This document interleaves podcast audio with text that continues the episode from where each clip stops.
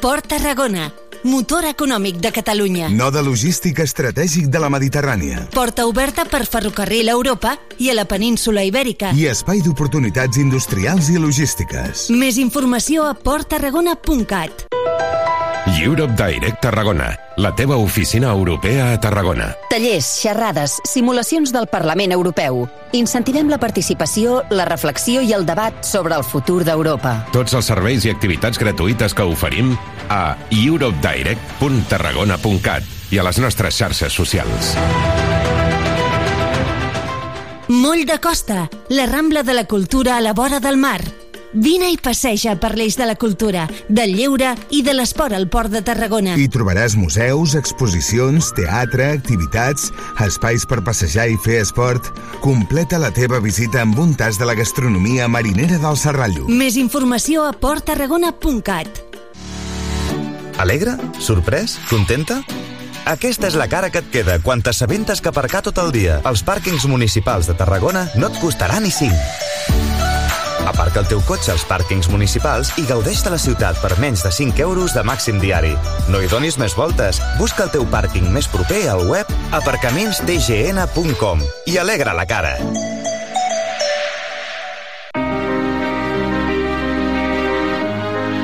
Ja saps què són els fons Next Generation? Són paquets econòmics europeus per a la recuperació de la crisi de la Covid-19 dels estats membres i serveixen per finançar projectes de transició ecològica i digital, creixement sostenible, resiliència econòmica, cohesió social i territorial, En vols saber més? Informa't a europedirect.tarragona.cat i a les nostres xarxes socials. Europe Direct Tarragona, perquè som Europa.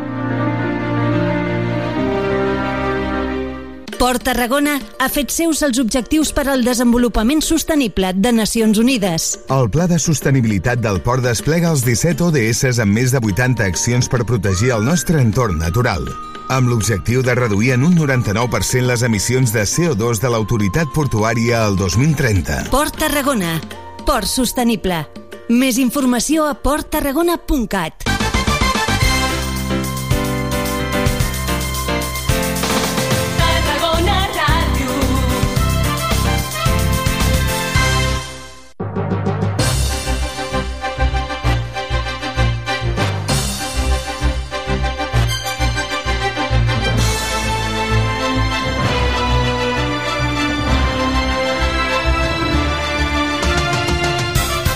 Sempre Nàstic, el programa de referència de l'actualitat del Nàstic a Tarragona Ràdio. Hola, què tal? Bona tarda, com esteu? Benvinguts a una nova edició del Sempre Nàstic en aquesta 29a tempo... en aquesta trentena temporada, millor dit, de, del programa l'antena de Tarragona Ràdio. Avui fem l'edició número 7179 del programa corresponent a aquest dilluns 9 de gener de 2023. És la primera edició d'aquest any del Sempre Nàstic versió programa, versió partit, no? Ja n'hem tingut dos, el de Copa del Rei davant Osasuna i el d'ahir de Lliga davant l'Atlètica Balears.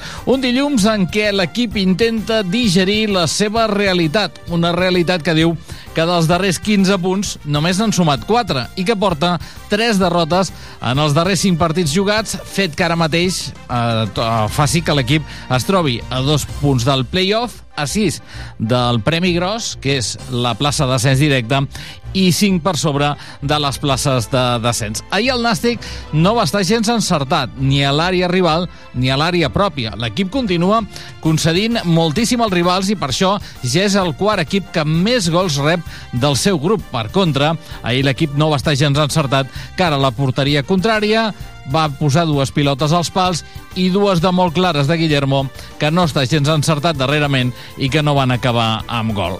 Caldrà posar-se les piles per tornar a la ratxa de les victòries, ser regulars, com diu Agné, i ser més ambiciosos per assolir els objectius. Per cert, anàlisi a banda mereixen els dos darrers arbitratges. Al nou estadi, dos àrbitres, Díaz de Mera, de primera divisió, i Sánchez Villalobos, de la primera ref, que han xiulat de manera molt diferent al Nàstic i el seu rival. Ahir els Balears van marxar cap a Palma de Mallorca sense cap targeta i el Nàstic va acabar el partit amb 3. És només un exemple i ho diem avui, que res van tenir a veure amb el resultat final, però que no va servir el mateix barem per mesurar uns i per mesurar els altres. Comencem, com cada dilluns, al Sempre Nàstic, posant les notes.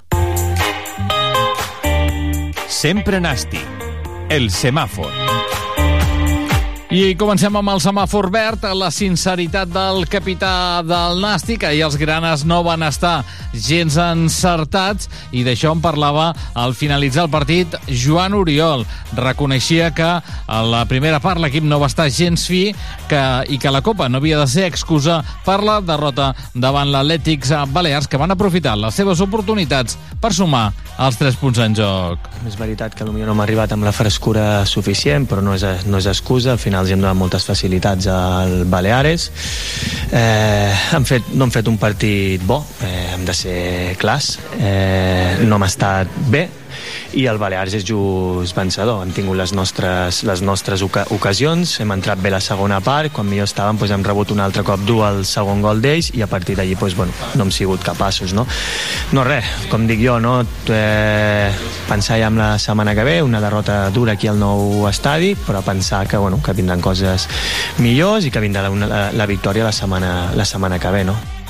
I el semàfor vermell va ser per llançar un partit més, una de les parts de l'encontre. Aquest diumenge va ser la primera. El segon temps el Nàstic va estar millor, però l'equip no pot ser tan feble en defensa. Aquest equip, en la meitat del campionat que es porta ja pràcticament disputada, ha encaixat gairebé tants gols com en tota la temporada passada. Les ocasions les hem posat i hem fet el més difícil. Remuntar un resultat advers amb una primera part fluixa nostra, que tampoc havia passat res, un xut d'ells, i quan ho teníem a favor, doncs la falta d'encert i una errada, però per falta de, de cames el seu segon gol ens ha condemnat. Crec que hem continuat fent ocasions, hem xutat cinc vegades a porteria, hem fet un gol, més dos pals de pilota parada, ells han xutat tres vegades i han fet tres gols, eficàcia màxima per guanyar s'han de fer gols. Avui sí ens notava els pesos, avui ens faltaven cames, jo crec. I crec que hem fet una bona segona part. Crec que no hem fet una segona part per perdre 1 a 3. Però això és futbol i això funciona així. Guanya qui més gols fa i nosaltres en aquest sentit avui no, no hem estat encertats. Doncs això és el que deia Raül Agné ahir després del partit. Una edició del Sempre Nàstic que realitza tècnicament a Lluís Comas amb tota la redacció d'Esports de Tarragona Ràdio us parla Jordi Blanc. Dues de la tarda i vuit minuts. Fem la primera pausa per la publicitat. A la tornada arrenquem la tertúlia del Sempre Nàstic.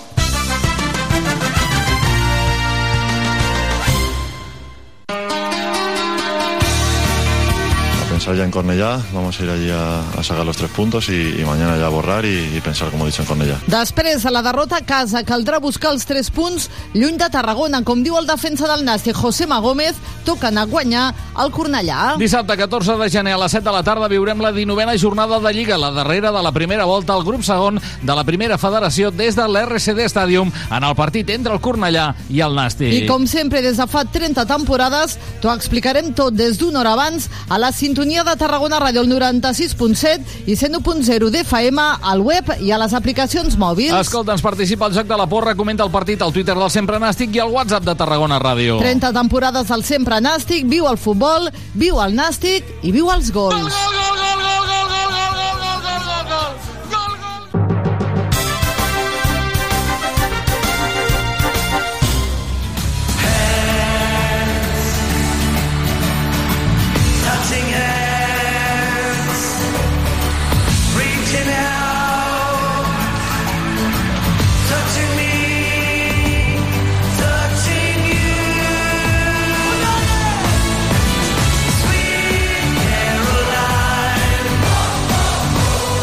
Sempre Nàstic, el programa de ga de la informació del Nàstic.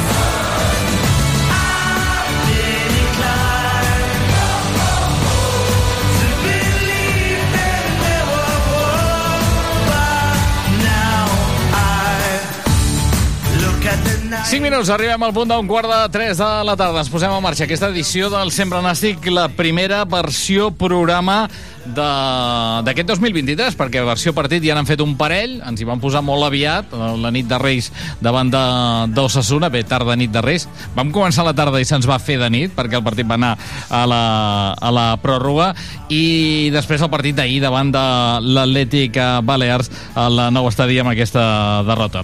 Eh, saludem a un dels dos convidats a la tertúlia, l'altre de seguida el saludarem, que és el Jordi Crespo, i de seguida estarà amb nosaltres, però el que ja podem saludar és el Gabriel Sabater. Gabriel, bona tarda i bon any. Hola, bona tarda i bon any a tots. Com estàs? Bé, bé, Bé? Bueno, dintre el que cal, bé. En lo personal, bé. En l'esportiu, com sempre. Eh, Com sempre. eh, ahir va ser un, un cop de realitat, potser?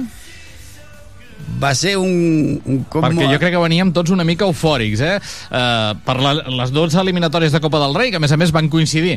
Clar, la Lliga es va acabar molt aviat, el 2022, no? perquè va acabar aquell, amb aquell empat al camp de l'Alcoyano, i després hem tingut aquestes dues eliminatòries de Copa davant del Màlaga de la segona divisió, Osasuna de, de primera, per acabar l'any 2022, per encetar el 2023, i les sensacions amb els dos partits jo crec van ser prou bones, però quan juguem amb equips de la nostra categoria la cosa sempre se'ns complica una mica més, eh? Bueno, i a més a més, eh, aquest any se'ns complica molt amb equips que estan a, a baix de, de la taula de la classificació. Però sí, sí que és veritat que va ser un, un cop dur, un...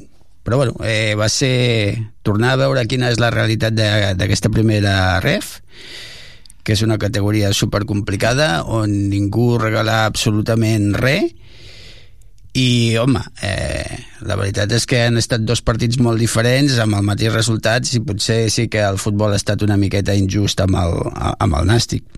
Jo no dic que ahir ens mereixíssim guanyar, perquè segurament no ens ho mereixíem, potser l'empat hagués estat el més just i el problema que comença a veure és això que, que, bueno, que allò de que si no pots guanyar els partits almenys intenta no perdre i treu un puntet perquè amb pff, tres punts més eh, es veurien les coses diferents. Eh, espero que això serveixi per, perquè aprenem que, que sí, que van fer dos molt bons partits, vam eliminar un Màlaga, un Màlaga que no hem d'oblidar que és un, el, el últim de la segona divisió, un molt bon equip com és Osasuna, però tots sabem que la Copa del Rei, amb el factor camp, sense desmereixer el partit que fa el Nàstic, eh? de cap manera. Però sí que sabem que el factor camp iguala molt els partits de, de la Copa del Rei, i espero que serveixi per centrar-nos i aprendre, aprendre que, que, bueno, que ara només queda un objectiu, que és la Lliga, intentar com a primer objectiu eh, estar a playoff i en segon objectiu a veure si pots alcançar-se aquesta primera plaça. Mm, a més a més, eh, bé, jo no sé si, si creus que, que els partits de Copa o les eliminatòries de Copa es viuen diferent perquè doncs jugues amb un equip de superior categoria, perquè hi ha televisió, perquè... Eh, bé, a les altres també hi ha televisió, però hi ha la televisió d'aquesta categoria que tots sabem quin tipus de televisió és, no? Eh, eh, que ho veu molta, molta més gent i que també, no sé qui, quina és no sé què és el que es diu a les xerrades tècniques, però des de fora sempre acabes pensant que aquestes eliminatòries de Copa i tal, eh, el missatge és molt clar, no? Sortiu, gaudiu, disfruteu i, i, i jugueu el partit, i en canvi a la Lliga és allò de, bé, sortirem a veure què passa, important no encaixar, deixem que passin els minuts, ja quan un entrenador, i no, no, no ho dic perquè Agneu digui, perquè no ho acostuma a dir, però jo estic molt marcat pels entrenadors del discurs de farem un partit llarg, i a partir d'allí dius, mm, ja alguna cosa falla ja. Està clar que al món de l'esport el millor que pot passar és jugar sense pressió. Vull dir, és el més divertit del món, no? Uh, mira, aquí arriba el Jordi que també sap molt el que és competir És el un bon és, esportista, i el que és jugar per, per, per, per gaudir i, i jo a la meva molt modesta molt modest ni- nivell en els esports que he practicat de federat doncs una cosa és la Lliga Catalana de Pàdel per molt que siguem uns matats i una altra cosa és quan quedes amb els amics per fer un partidet no? eh, això és evident que, que és molt diferent jugar sense, sense, sense pressió el problema que a mi me preocupa de, de, de lo d'ahir i de les declaracions de l'Acne és que, a veure, si tots diem que tenim una plantilla llarga i tots som conscients de que hi ha jugadors que arriben molt just, fes-ho a l'inrevés. O sigui, és que als 60 minuts ja m'havies canviat els dos laterals pues si tens dos laterals més, comences amb aquests dos laterals i si després necessites de l'experiència del Joan Oriol o de la contundència del Pol Domingo, pues fes-ho al revés que ja entenc que és el discurs fàcil, eh? que això ho has de decidir abans de, del partit. Perquè si al final no vam poder fer un millor partit perquè les cames no arribaven, i sí que és veritat que teníem alguna vacança per, per les baixes que hi havia, sí que hi havia posicions que al final van ser decisives, on sí que tens jugadors que potser sí que te poden donar aquests 60 minuts de qualitat i després els titularíssims te poden donar 30 minuts de qualitat més. Uh -huh. Deixa'm saludar el Jordi Crespo. Jordi, bona tarda i bon any. Hola, bona tarda, molt bon any. Amb això del bàsquet, els partits llargs no es poden fer perquè hi ha cronòmetre que va comptant enrere i llavors eh, s'esgota el temps. A la millor el futbol també seria interessant, això, però bé. Eh, dit això, eh, estàvem parlant de d'aquest, no sé si hi altra vegada toc de realitat del Nàstic, eh? La Lliga és una altra cosa, eh, l'equip venia d'aquestes eh, dos festes del futbol, per dir d'alguna manera, de les eliminatòries de, de Copa del Rei, i, i clar, vull dir, al final no, no acabes de saber molt bé si és que jugar a la Copa del Rei, equip de superior categoria, amb una televisió eh, professional de per mig, és allò de no tinc res a perdre i molt a guanyar, sortiu i gaudiu, i a la Lliga hi ha altres altres ben marcada doncs, per, per, per altres coses, no? No perdre punts, no deixar escapar punts, si no puc guanyar almenys intento empatar i després passa el que passa.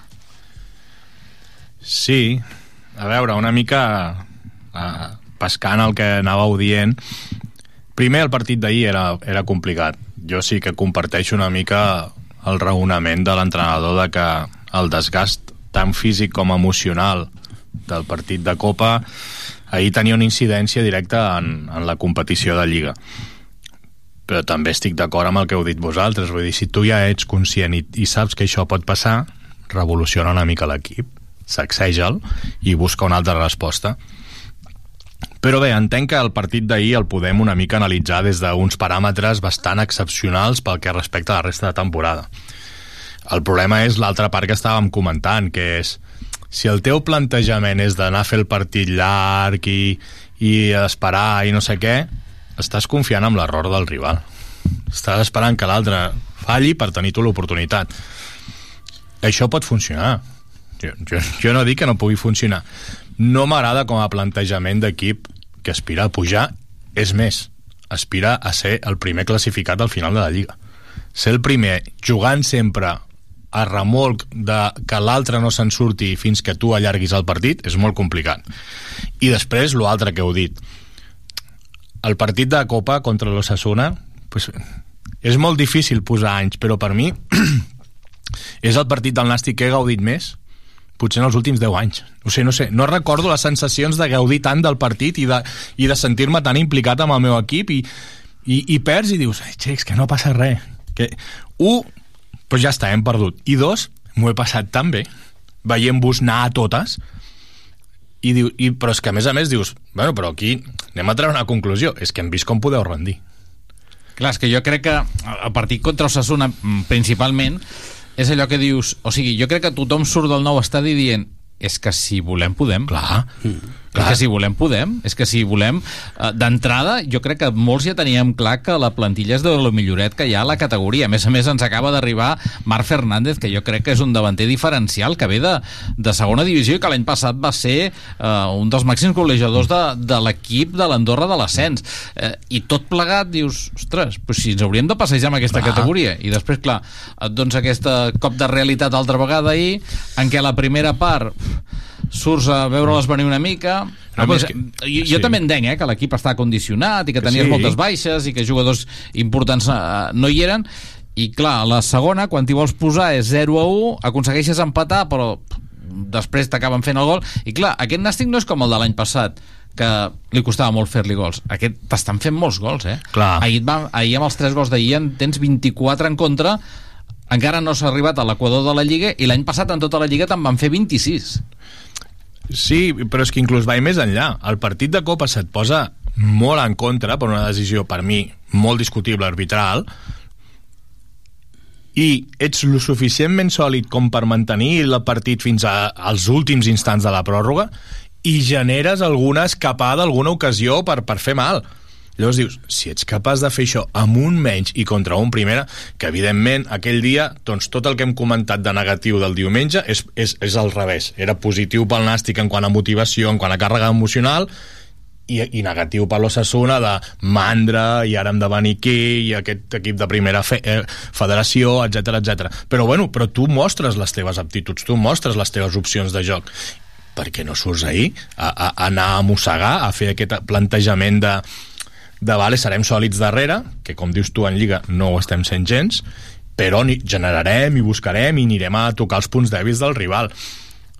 Bueno, doncs, a mi el que em preocupa, si la conclusió final és, a mi el que em preocupa, i això ja ho hem començat en altres tertúlies, és que, tot i que jo crec, i ho he dit altres vegades, que l'entrenador és honest i que no, no t'enganya amb els seus plantejaments, ell és honest amb el que fa i és un tio que segur que treballa molt. No sé si aquest plantejament és el que necessita un equip per acabar primer de la classificació final. Eh, poca cosa més eh, a afegir el, el problema jo sí que, que, que dono un un fet diferencial almenys per la meva modesta opinió i és que jo crec que aquest equip és molt diferent amb Marc Montalvo o Pedro del Campo al mig del camp jo no dubto de la implicació de Pedro del Campo jo no dubto que l'estigui costant per la lesió però la facilitat ho, ho vinc a dir pel plantejament que, que tu deies, no? Vull dir, si tu vols anar pel rival, tu has de tenir un centre del camp que crec que el podem arribar a tenir ara amb, amb Pedro del Campo perdó, amb Marc Montalvo i Gorostidi amb el Gorostidi que estem veient, veient ara que amb, amb Pedro del Campo que jo crec que és un jugador totalment diferent jo crec que Pedro del Campo el fiquessis de mitja punta i, i el faries no internacional però gairebé però està jugant en un lloc on jo crec que porta dos anys demostrant... Jo, jo, jo penso com tu. Jo, jo crec que per l'estil de joc que, que, que dèiem, eh, d'Agné, jo crec que ell no creu massa en, en, en el joc combinatiu del mig del camp, per tant, aquí han passat migcampistes de renom anys enrere, que segurament amb Agné no jugarien, i en canvi jo crec que li agrada més el mig, camp, el mig del camp trencador, el box to box, no? I jo crec que aquí Montalvo i Gorostidi, Gorostidi, que sembla que a poc a poc l'anem recuperant, i jo crec que no va fer un mal partit. Va fer un bon partit. Eh, eh, jo crec que seran, bueno, jo crec que al final doncs, eh, el que intentarà és això, tenir aquest, aquest mig del camp, perquè jo crec que al davant el Nàstic està molt ben farcit de jugadors i a més a més amb l'arribada de Marc Fernández encara més, independentment de que ara Guillermo no tingui gol, però jo crec que això eh, pues, igual com ara no els marca acabat els tornarà a marcar i tal jo crec que el punt més feble ara mateix i d'una cosa marxem a l'altra perquè estaria parlant ja de mercat d'hivern eh, seria eh, la defensa, no? perquè Marc Trilles ahir va tornar a quedar fora la convocatòria perquè ha tornat a tenir molèsties, no se n'acaba d'en de, sortir i clar, la competència és molt limitada, tot i que sí que en les darreres jornades jo crec que ahir fins i tot el, potser el vam trobar a faltar mm. Eric Montes, que està sancionat amb dos partits i per tant no va jugar i ni podrà jugar di, dissabte que ve a, a l'RCD Stadium eh, bé, jo crec que ha portat una mica de competència però si no és una posició en què s'ha de, de, de, de ficar-hi alguna mena de remei perquè bé, la prova evident és això, els gols que encaixa l'equip no? Sí, sí, eh, aquest és l'altre handicap que, que estem tenint i sí que és veritat que, que Trias porta gairebé dos mesos lesionat, si no vaig equivocat hem trobat aquesta solució d'Eric Montes Josema pues, Ahir va tenir un dia espès, eh? Té dies bons sí, i dies, sí, va... i dies dolents. Sí que és veritat que dona una bona sortida, sobretot cap a aquesta banda esquerra, que és la que insistim en jugar sempre per, per, per banda esquerra. Bueno, però sí perquè, que és... perquè és un titens dels millors jugadors, ja, ja, no? però sí que és veritat que, que, bueno, que no deixem de, de fer plantejaments d'equip petit i plantejaments que, que s'estan demostrant que no són tot lo efectius que haurien de, de ser. I quan tu tens la qualitat que tens és que tu has d'anar i a congojar el, el rival. Vull dir, ho vam veure a la segona part sense ser un gran mm. futbol però fins que vam empatar el Nàstic va ser superior a l'Atlètic Baleares. Que sí, que vale, que als 3 minuts te, te, te, te tornen a marcar el segon gol. Però bueno, ves des del minut 1 i si aquests jugadors, i insisteixo el que he dit al principi, si aquests jugadors físicament estan justets, doncs fes-ho a l'inrevés i després tires de l'experiència dels dos jugadors que tens. Jo crec que aquí, aquesta vegada, Agné es, va- es va equivocar. Sí, no, bastant d'acord. L'únic és que, clar, el Nàstic va ser superior... Bueno, també podem fer la lectura que l'equip visitant es va posar per davant i va anar a fer el partit llarg a controlar, a controlar a deixar que no sé què i quan ho va necessitar ens en va tornar a fotre un altre clar, és que, el, és que els discursos que jo sóc A més entrenador a més, Dioni va venir a marcar aquí el hat-trick sí, clar. al lloc on l'havien pretès fa un parell de temporades i que per qüestions econòmiques no van poder arribar al caché que li va donar la- l'Atlètic Balears, no? Sí, que jo sóc, jo sóc entrenador de bàsquet també i sóc conscient que molts cops els discursos te'ls acabes menjant amb patates i, i que controlar-ho tot és impossible però però clar, és allò que dius hem dominat per mèrit nostre o, per de o perquè ens han deixat bueno, pues, a mi em costa molt veure el nàstic dominador a, a, que, ja fa temps no? Jo crec que heu sigut molt Sant Pedro del Camp, a mi és un jugador que m'agrada molt i crec que hi ha hagut moments que sí que s'ha posat l'equip més la temporada passada que aquesta Aquesta li està costant, aquesta li eh? està costant molt Però, però Jordi, jo no, no estic dient que sigui un mal No, no, no. Eh? Jo estic dient on està jugant, perquè té una manera de jugar que li és molt difícil donar-li una velocitat. Ell sempre necessita dos Sí. o tres tocs. Però... I al mig del camp avui en dia, des del meu punt de vista, no t'ho pots permetre. Vull dir, necessites gent i, i és que estem veient a, a la primera ref equips que la saben tocar sí, molt vam- bé. sí, però- però en Perquè, aquest clar, sentit- Aquest segon tercer toc sempre fa perdre aquests dos segons que són vitals avui en dia al futbol. Sí, no, no, si estic d'acord. Que... Però llavors ja anem a... a- Jo, jo crec que tenim un plantillot i crec que tenim una de les millors plantilles de la Sí, categoria. amb això jo crec que estaríem Segur. gairebé tots d'acord, eh? Però Sí, llavors sí, sí. dius, és la millor plantilla per com volem jugar? Això no ho tinc tan clar. I llavors Eh, dius... I llavors passen coses rares, no? Dius, el Dani Romera no era el tipus de jugador que volíem. Ara fitxes el Marc Fern... Bueno, sí, no, no són del tot No, iguals, no, però això- tampoc són tan diferents. Jo crec que Marc Fernández és més Aaron Rey. I jo crec que els esquemes d'Agné, Aaron Rey entra millor eh, que Dani Romera. Dani Romera jo crec que era més punta a punta, per Sí, dir d'alguna manera, i ell el que busca és això. Ell per puntes... Ja, però llavors tens Ell l'Aaron amb Rey. Pablo Fernández ah- ahir segurament que el partit amb Pablo Fernández hagués canviat perquè a lo que juga l'Atlètic Balears el Nàstic va començar a jugar en pilota llarga però clar, Guillermo no les agafa tantes com Pablo i No, quan... però llavors Pablo sí que és un jugador ideal sí. per com vol jugar el Raúl Agné. En tenim un. Perquè Guillermo potser físicament és una mica similar, però no, no és el que dius tu. Ni les baixa ni les controla tant. És més rematador, el Guillermo. Sí. Bueno, mm, jo sí que crec, i jo això li valoro, eh, que crec que el Raúl Agné també ha fet un esforç com d'adaptar... Vull dir, no, no, no estem jugant com l'any passat. Tampoc és tan diferent com, com a vegades voldríem, però no estem jugant com l'any passat jo crec que sí, ja no el plantejament d'alineació, no sé què, sinó el plantejament d'encarar el partit fos diferent, podríem veure un altre cop. De fet, és que... Que potser tots plegats el que, que- li trobem a faltar al Nàstic és eh, que amb la plantilla que tens i Sí. com acabes de demostrar... O sigui, perquè fins ara hem parlat molt de plantilla, no? Eh, però jo crec que el dia de d'Ossassuna, eh, és el Sí. que tu dius, la Mm. sensació que tots sortim és hosti, amb, aquest, amb aquest equip ens hem de menjar el món, no? Mm. I que després, en els partits de Lliga, doncs no sortim a ser protagonistes, a dir, eh, aquí estem nosaltres, Sí. nosaltres som el Nàstic, tenim la millor plantilla o de les millors plantilles de la categoria i a nosaltres no, no, no ens tos ningú, no? No, i Però- que, bueno, sí, això que dius tu. Som el nàstic i no ens tos ningú. No. Perquè després hi ha coses que són lletges de dir. Perquè estàs el dia de l'Ossassuna i vas, perquè no tens res a perdre, i funciona. Però és que quan els ultimàtums també, també hi Com vas. no tenies a perdre, també hi vas. també anaves. Com que era o tot o res, i anaves, i també surt bé. I llavors dius, què més necessiteu per En veure canvi, que ahir contra l'Atlètic Balears, suposo que el plantejament és Aaron Rey no acaba d'estar del tot bé perquè acabava de sortir d'una lesió que contra Osasuna no va estar ni en convocatòria. Uh, bueno, veurem què passa. Clar, els dos laterals t'havien jugat els 120 Ja. minuts de l'altre dia. I jo crec que intentes fer la primera part llarga i no t'acaba de sortir bé la cosa i a la segona jo crec que sí que l'equip comença molt bé l'equip aconsegueix l'empat el que passa és que 3 minuts després te foten l'1 a 2 i jo crec que allí s'acaba tot una mica, no?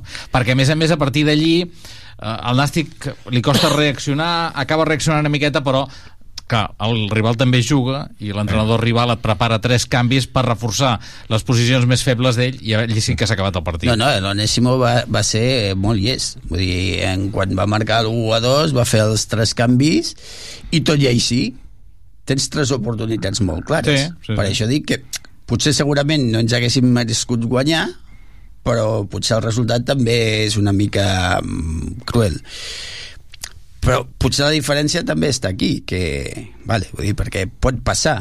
Eh, pot passar que després de l'esforç per qualsevol cosa doncs mira, dos minuts després eh, te, te tornen a marcar. Però tu has de reaccionar abans a la condició física que tenen els teus jugadors. És que jo, jo, jo crec que escolta, vull dir quan un és un professional d'això són coses que s'han de, de valorar i si et surt malament, jo crec que ningú te dirà absolutament res, perquè justifiques, bueno, el Joan va acabar molt just, eh, el Pol tots sabem que té els problemes als bessons i també va acabar justíssim, doncs bueno, he intentat refrescar l'equip. Jo crec que ningú hagués criticat res, ha sortit malament, escolta, ens han fotut quatre, doncs què li farem? Vull dir, hem d'entendre la intensitat del partit d'Ossassuna, que acabem dijous a les 7 de la tarda que també té la, els horaris perquè tornes a jugar diumenge a les 12 del matí. Ja, ja no és que juguis a la tarda és que a les 12 del matí tornes a, a, a jugar. Pues aquestes coses jo crec que l'equip tècnic que és un equip tècnic professional ha de saber valorar-les. I fins i tot aconsegueixes que jugadors que no tenen tant protagonisme en aquest moment diuen ostres, ara tinc una oportunitat. Ara que el meu company que és intocable, perquè ningú descritarà que el Joan Oriol és intocable al lateral esquerre, ostres, doncs m'adonen 60 minuts d'inici, a veure si puc aprofitar-ho. No, no, ho fas a l'inrevés. Bueno, jo...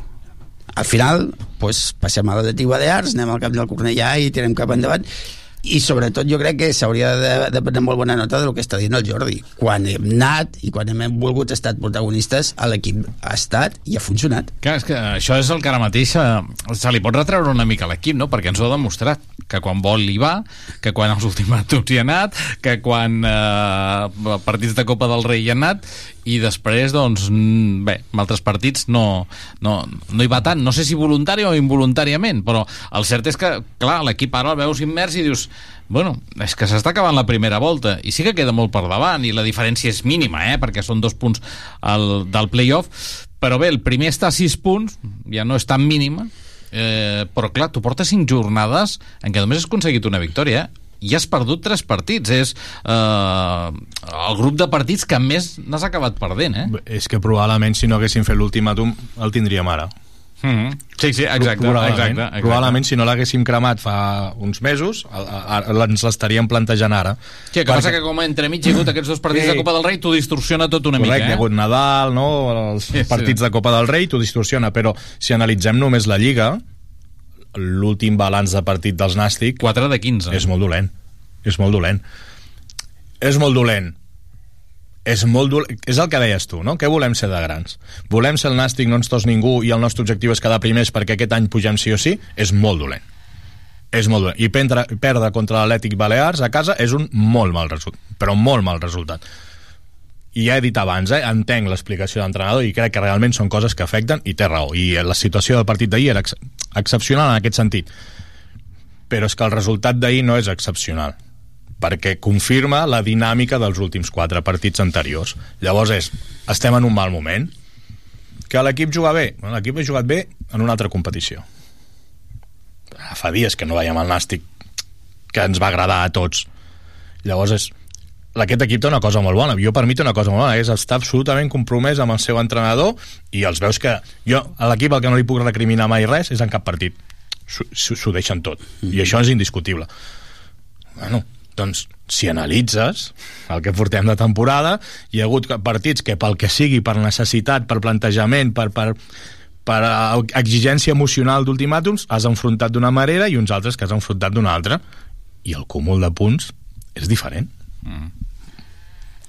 eh, perquè a vegades és que fins i tot al coi amb 10 hi vas i surt bé surt bé, Sí, clar. sí, sí, sí, sí. En Sí, Déu, sí. després de l'expulsió d'Eric Montes hi vas i acaba marcant l'upo i t'acabes uh, acabes sumant un puntet.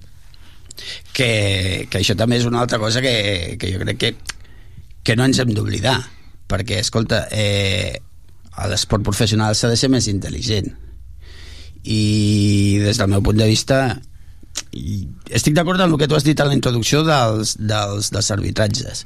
És que aquests dos darrers és Ara, per fer-s'ho mirar, eh? Tampoc aquí... El d'ahir no, no, no, i, i, i, i, i, bueno, no sé, el d'Osasuna podíem, podíem parlar de si va influir o no amb el resultat, perquè jo crec que amb l'empat que fa Pablo Fernández amb l'1 a 1, minut 32 de la segona meitat, aquell partit tal com anava, anava encarrilat, que el Nàstic el podia acabar guanyant, sí. eh? I ens quedem amb un home menys. Però el d'ahir no influeix amb el resultat, no influeix absolutament res. No. Ara, la vara de Madí no era la Totalment mateixa, eh? diferent. O sigui, el cop de cap a Pol Domingo que cau estès al terra i li acaba assenyalant falta a Pol Domingo uh, targetes condiciona de seguida Bonilla la primera entrada que fa o sigui la primera falteta que hi ha targeta per Bonilla després ens condiciona Quintanilla que encara es va anar frenant perquè era un central que tenia que tenia una targeta i l'Atleti Balears va marxar sense cap targeta cap o sigui, targeta. que Laure marxés de Tarragona sense cap targeta és que clama al cel eh? Sí, no, no, sí, sí, sí, sí estic d'acord.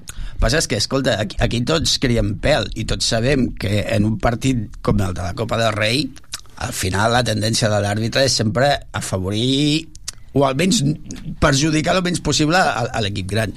El que jo em refereixo és, escolta, eh, estic d'acord, tu no has fet falta, segurament t'han fet falta tu, eh, i renega, però renega quan l'àrbitre estigui a 50 metres i digues tot el que vulguis. No de cara a l'àrbitre.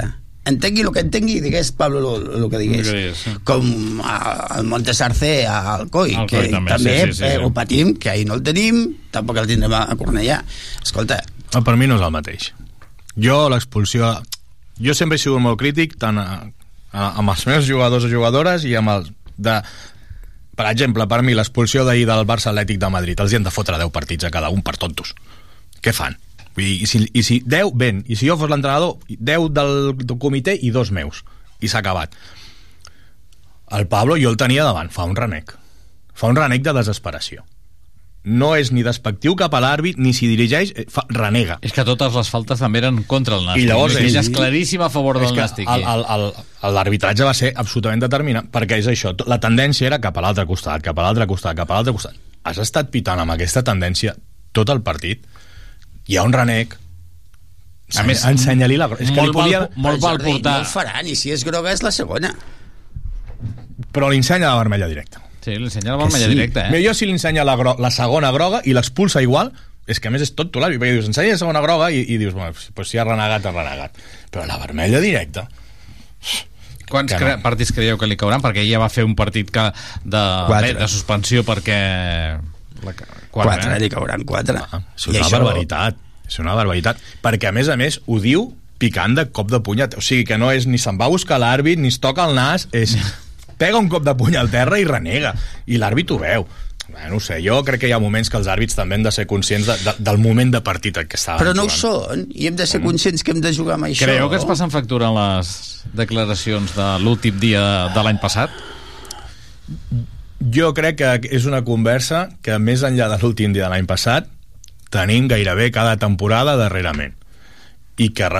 Jo crec que sí, perquè ho estem carregant tot a l'entrenador i a la plantilla que evidentment són els que surten al camp per tant els màxims responsables però si tu vols pujar de categoria i si vols quedar primer aquí juga tothom i quan dic juga tothom vol dir que juga la plantilla, juga l'entrenador, juga el president i juga tots els moviments que puguis fer Uh, no, no parlo de maletins, eh? Parlo de moviments, de, de contactes, de converses, de, de, de, de caure simpàtic i de caure en gràcia.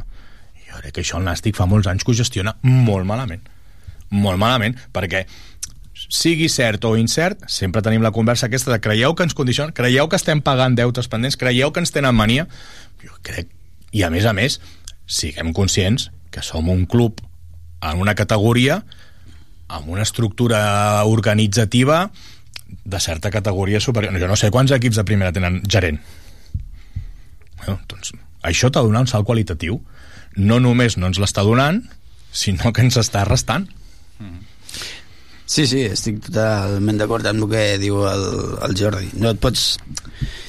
En una categoria com aquesta i en un món com el del futbol amb tants interessos, diem-no aquí, no pots permetre'm de no utilitzar qualsevol de les bales que tingui mentre la bala sigui legal, clar. No, correcte, correcte, correcte.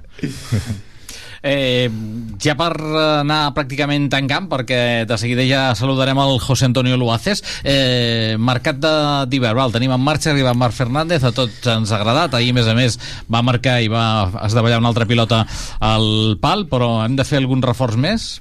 Mm, eh, Penseu que algun reforç més, segons com sigui el reforç, ja implica donar baixes, eh? Pues S'està parlant d'un central sub-23. Aquest no implicaria donar una baixa. Eh, bueno, no sé si un central sub-23 te pot solucionar gaire, gaire cosa, no sé que sigui alguna, alguna molta projecció, però llavors ja és una sessió, ja hi ha uns altres condicionants. Jo ho deixaria tal T'imagines com que està. trobéssim un Pablo María al mercat, com van trobar amb el seu dia? Ojalà, ojalà. Sí, si trobem un Pablo Marí que vingui. Sí, sí, sí. No? Vull dir, Vingui ja. Si, si ha de ser algo així, que vingui ja.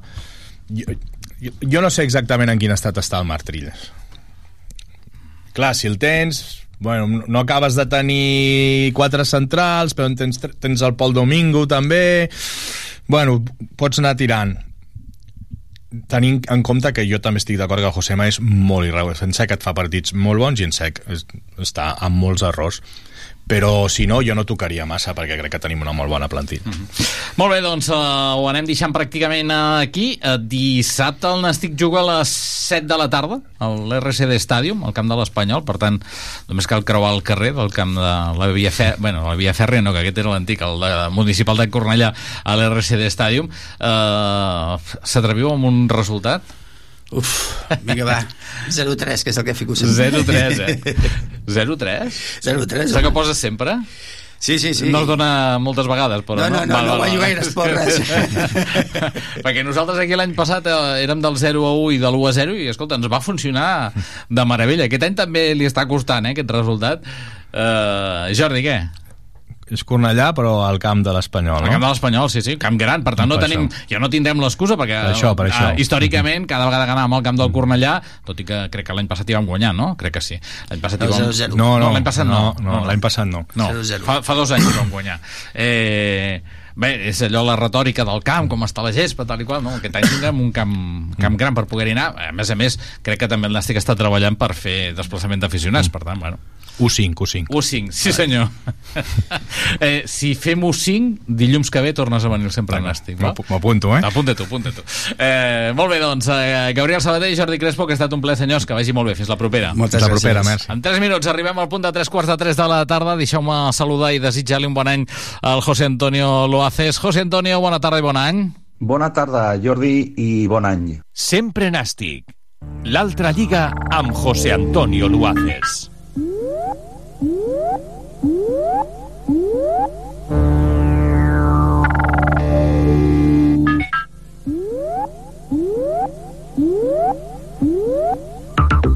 José Antonio ha arrencat aquest 2023 amb aquesta derrota davant de l'Atlètic a Balears per un gol a 3. Quina és la valoració numèrica del partit i quina és la situació amb la que es queda el Nàstic després d'aquesta penúltima jornada de la primera volta? Pues verás, antes de comenzar un partido, cada partido, yo siempre deseo al equipo y a los jugadores mucha suerte y acierto. Pero en esta ocasión mm, ni la una ni el otro acompañaron al equipo. De ahí la dolorosa derrota frente a un buen equipo como lo fue el Atlético Baleares. Una derrota que llega en un mal momento, pues un parcial de 4 puntos de 15 eh, no se puede decir que sea un buen final de la primera vuelta y lo peor de todo, a mi juicio, es que Raúl Arné sigue sin encontrar la solución para el importante fallo estructural defensivo que tiene el equipo. Eh, así que a falta de una jornada para finalizar la primera vuelta, el Nasti presenta los siguientes números. 18 partidos, 7 victorias, 5 empates y 6 derrotas. Eh, seis derrotas. Eh, fijaos que la pasada temporada eh, el equipo acabó con nueve derrotas en, en, en toda la liga. En cuanto a goles 20, estamos en los números del, del pasado año, que se consideró un 41, y 24 goles en contra es una mala cifra. Es una mala cifra, una mala realidad, porque el año pasado eh, el equipo solamente encajó 30 goles. Y a falta de uno que a falta de uno para que acabe la primera vuelta, que el equipo haya encajado 24 y sea el cuarto o quinto equipo más goleado de la, de la, del grupo, el que más lleva en contra es el Athletic Club, que está vicecolista y lleva 27, pues esto es una mala realidad. ¿eh? Esto convierte un, un, déficit de menos 4 que es impropio, impropio de un equipo que aspira a, jugar el playoff en, esta, en estos momentos de temporada. Los números, por supuesto, que se han quedado ahí estancados. Eh, tenemos un, un, bajón ya de, de, puntos por debajo del 50% y una media de 1,44. Que esta es una media que nos dejaría fuera del playoff al final de la temporada, puesto que podría dar para 54 o 55 puntos. De ahí que la posición eh, en la zona media alta eh, sea la novena y adecuada pues eh, a, esta realidad que, que, decimos en cuanto a puntos. Y comparándolo con, con, un quinto puesto de 60 puntos a final de temporada, recordemos que la pasada se acabó con 61, pues en estos momentos tenemos ya un déficit de dos puntos y medio.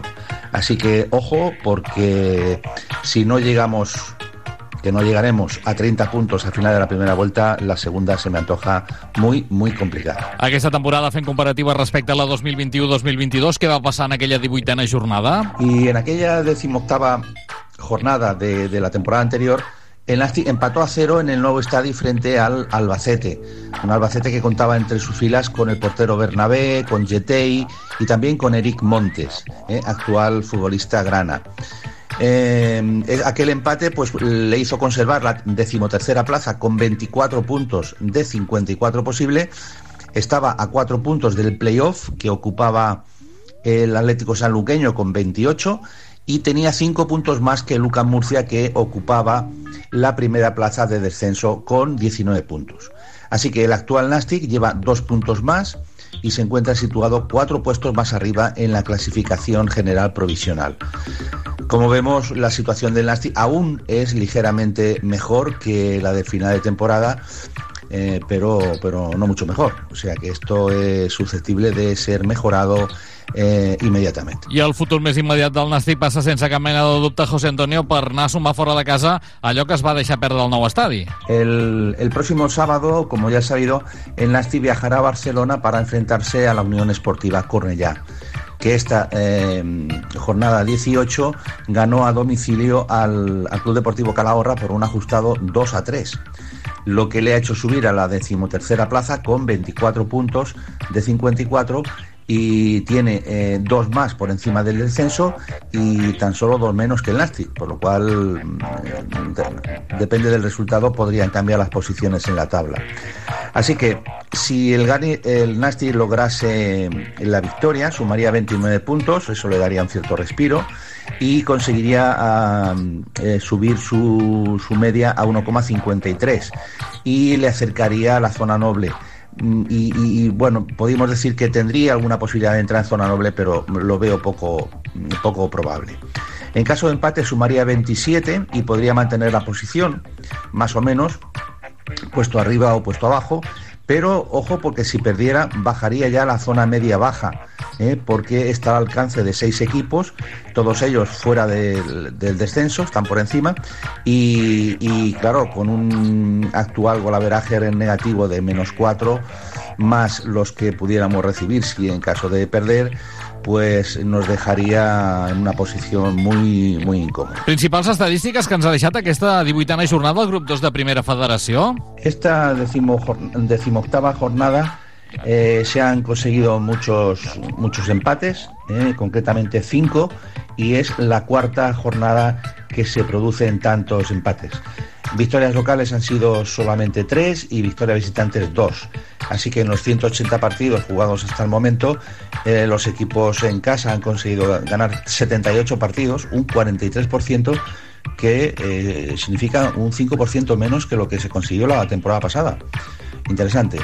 42 victorias visitantes supone un 25%, es decir, que uno de cada cuatro partidos es victoria mm, visitante y 57 empates que, mm, ojo, ya alcanzan un 32%, es decir, que están a punto de, de que se consiga un empate cada, cada tres partidos y estamos por encima, siete puntos por encima de lo que se consiguió la temporada pasada. Esto tiene su parte buena y su parte mala, y es que con 57 empates hay una fuga importante de puntos, con lo cual pues la clasificación pues eh, se ajusta porque los equipos no consiguen tantos puntos. En cuanto a goles, se ha marcado una buena cifra, 26, eh, con 15 goles locales y 11 visitantes. Y en, y en, los 180 partidos, pues ya los equipos en casa han conseguido marcar 231 goles, 169 han marcado los equipos fuera de su, de su casa, lo que da una suma de 400 y una media de 2,22. Si lo comparamos con lo que está haciendo el grupo primero, pues vemos que con un partido menos llevan 22 goles más eh, conseguidos en esta 18 jornadas. I això ho rematem, José Antonio, com cada dilluns amb el trofeu Pichichi Zamora. Com el tenim? En este trofeo Pichichi, la novedad más importante la, la vimos con nuestros propios ojos el, el, el pasado domingo. Eh, Dioni con su, con su triplete ha conseguido dar caza a, Nacho del Real Unión de Irún y, y ambos eh, encabezan la clasificación con nueve goles. En segunda posición está Eneco Jauregui, que se quedó ahí estancado con ocho goles, el, el delantero de la Morevieta. Y en cuarta posición tenemos a Soberón del Eldense, a Dani Romera, que marcó esta temporada del Castellón, a Martón, que también consiguió marcar de la Real Sociedad, y a Unzueta de la Sociedad Deportiva Legroñés, en tercera posición, como digo, con siete goles. Y en cuanto a Zamora, pocas novedades. Tenemos a Alfonso Pastor, el portero del Castellón, que recibió un gol esta jornada, pero sigue primero con un cociente de 0,67 al haber encajado 10 goles en 15 partidos. Vallejo, el portero del líder, el Dense, también encajó esta jornada un gol. Está en segunda posición con un cociente de 0,78 y 14 goles encajados en 18 partidos. Os ha jugado todos.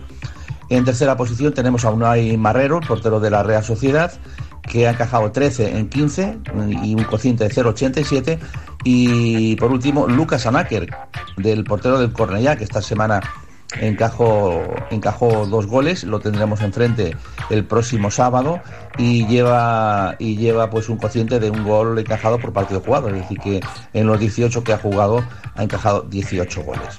Así que bueno, esperemos que el, el próximo partido eh, lo saquemos de la clasificación y eso significará que el Nasti habrá ganado el partido. Significar que hay una pequeña novedad en, en la lista de goleadores del Nasti, puesto que ya eh, Raúl Agné ha empleado a 22 futbolistas y justo la mitad, 11, han conseguido marcar gol. Y concretamente ayer pues lo hizo Marc Fernández, que en su partido debut en la liga, porque ya había, ya había debutado en Copa, pues consiguió el gol y lamentar pues que no, que no sirviera para, para mucho. En primera posición sigue Guillermo con cinco goles, pero ya lleva muchas jornadas sin, sin poder marcar. En, ter, en, segunda posición Joan Oriol, que ayer realizó un gran partido, pues también con tres goles. Y en segunda posición, en tercera posición con dos goles tenemos a Bonilla, Robert Simón y Pablo Fernández. Estos dos últimos que eh, están, digamos, en el dique seco o con sanción encima. Así que lo último también, pues lamentar la situación de Manu García, porque lo que el año pasado, como sabemos, consiguió el trofeo Zamora y en esta lleva encajados 24 goles en 18 partidos, con un cociente de 1,33. Muy lejos, muy lejos de la situació que tenia en la passada temporada. Molt bé, doncs José Antonio, ens retrobem dilluns de la setmana que ve, que vagi bé una abraçada. Muy bien, Jordi, pues esto es todo por el momento. Eh, mi agradecimiento y felicitación de Año Nuevo a todos los radioyentes. Hasta la próxima semana, una forta abraçada. I nosaltres que anem posant el punt i final a aquesta edició del Sempre Nàstic ho fem com cada dilluns amb el resum sonor del darrer partit del Nàstic, en aquest cas amb la derrota que els granes patien ahir al nou estadi per un gol a 3 davant l'Atlètic Balears. El Sempre Nàstic format podcast que dijous el podreu trobar a les xarxes socials, divendres el podreu escoltar a partir de les dues del migdia a la FM de Tarragona Ràdio i el Sempre Nàstic, versió partit, que arribarà dissabte a partir de les 6 de la tarda, una hora abans que arrenqui a l'RCD Stadium el partit partit entre el Cornellà i el Nàstic. Acabeu de passar una bona setmana, que vagi bé, bona tarda. A xiula l'inici del partit, arrenca el partit a la sintonia de Tarragona Ràdio i el nou estadi. Juguen avui el Nàstic i l'Atlètic Balears. Ha arrencat la 18a jornada de Lliga, ha arrencat la penúltima jornada d'aquesta primera volta. Oi, aquesta jugada, ull de llançament i el gol. Home, ara no. sí, el gol de l'Atlètic Balears ens han guanyat les esquenes i ara sí que marca l'Atlètic Balears aquí al nou estadi Costa Daurada. Crec que ha marcat eh, Dioni, Dioni, no? Dioni, sí. Dioni, El Pichichi, el que marca s'abraça amb tota la banqueta. Ara sí que s'han guanyat l'esquena eh? han habilitat pilota. Ben passada a l'espai i Dioni li guanya l'esquena als jugadors del Gimnàstica de Tarragona quan el Nàstic havia anat guanyant a poc a poc uns quants metres. Minut 37 de la primera meitat. Dioni que avança l'Atlètic Balears al nou estadi Costa Daurada. Pilota que està movent ja l'Atlètic Balears, carril de la banda esquerra, és Hugo Rodríguez, el que intentava marxar de Pol Domingo, deixant la pilota entre línies perquè la toqui aquí Carlos Ramos, talla molt bé Aaron Rey, ja puja amb un Lupo, Aaron Rey amb velocitat, pilota per Lupo, Lupo que vol entrar a l'Islari, vol provar Lupo, fora! Joan, allò que tant t'agrada, el crit de Lupo, Lupo, la pilota sortilla, van al pal esquerra de la porteria de l'Atlètic Balears va cap al centre, altra vegada la pilota per Gorostidi, Gorostidi de primera esforç Joan Oriol a la dreta, a l'esquerra té Aaron Rey, per ell va la pilota que ve, l'he posat ara per Joan Oriol altra vegada que intentarà fer la centrada, fa la centrada, el cop de cap, no! Oh! Gol de Marc Fernández! Gol, gol, gol, gol!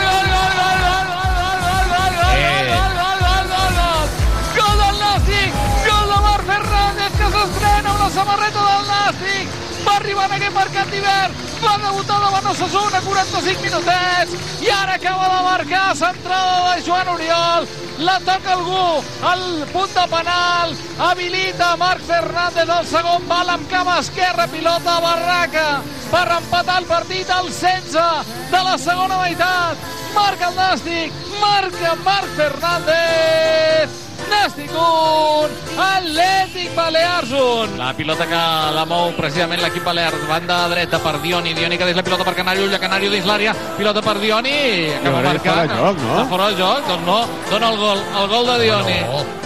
El segon de, de l'Atlètic Balears, que poc ens ha durat l'alegria. 3 minuts després, Dioni acaba posant a l'1 a 2 en el marcador.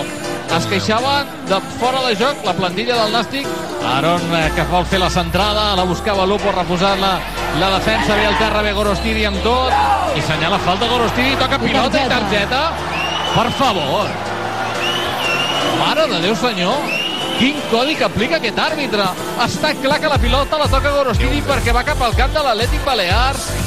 Senyala falta de Gorostidi i damunt targeta. És molt dolent. Però molt, eh? És molt dolent. El llançament de la pilota. Marc Fernández, el llançament de Marc Fernández! Gol, el travesser. L'ha tocat el travesser i la pilota fora. El llançament de Marc Fernández al travesser, 35 de la segona. Doncs aquí hem tingut el segon gol, eh? Tu, Guillermo! La pilota l'acaba traient el porter. Mare de Déu. Mare meva. El porter acaba traient la pilota. Pere, ja sé que tens ganes de celebrar-ho, eh? Oh, No. La pilota que se'n va fins la línia de fons de la centrada. oh, Guillermo que estava pendent de cotet. La centrada de Mir Jiménez, pilota corna. Déu-n'hi-do la que acaba de tenir Guillermo el 37 d'aquesta segona meitat. La pilota l'ha tret el porter in extremis. Ui, que bé aquesta pilota Tirleia que la guanyava aquí. La pilota per Guillermo. Guillermo sol davant del porter. Llançament de Guillermo. Li acaba traient el porter. Ja et dic jo que Guillermo no està fi. Quina jugada que acaba de tenir Guillermo. Un cara a cara. Un cos to cos. Un sol davant del porter i la pilota se li acaba escorrint, l'acaba donant al porter pràcticament. Mira aquesta pilota que se la porta Laure. Laure que vol fer la centrada, deixa la pilota enrere, la tocaven cap a un poc un pa de cara per Dioni, ulla Dioni que es prepara per xutar, ho vol provar, i el gol. Oh, no, Déu senyor. Doncs el hat-trick de Dioni. de Dioni, eh? S'emportarà la pilota del partit. Hat-trick de Dioni, ho avisàvem, eh? perquè ho ha anat buscant, ho ha anat preparant i quan l'ha tingut l'ha ajustat al pal dret de la porteria de Manu García. Minut 49 de partit. Hat-trick de Dioni. Que ara és quan ens plantegem allò de si valia la pena haver apostat fort per ell, no aquest estiu passat, sinó l'anterior, eh? Treu la pilota José i s'ha acabat. S'ha acabat el partit al nou estadi Costa Daurada i a la sintonia de Tarragona Ràdio derrota del Nàstic, victòria de l'Atlètic Balears que avui ha fet allò de que entrenador nou, victòria segura, s'estrenava Onésimo Sánchez i acaba sumant aquesta victòria i el Nàstic que bé, si a la Copa ens ha il·lusionat a tot, avui ha tornat a la realitat de la Lliga i la realitat de la Lliga diu que dels últims 5 partits n'ha perdut 3, va perdre davant del Sabadell aquí, va perdre a Tajonar davant Promeses avui ha perdut davant l'Atlètic Balears. Només n'ha guanyat un, que va ser davant del Barça B, i n'ha empatat un altre, que va ser davant de l'Alcoyano. Sempre Nàstic. El regust de la jornada a Tarragona Ràdio.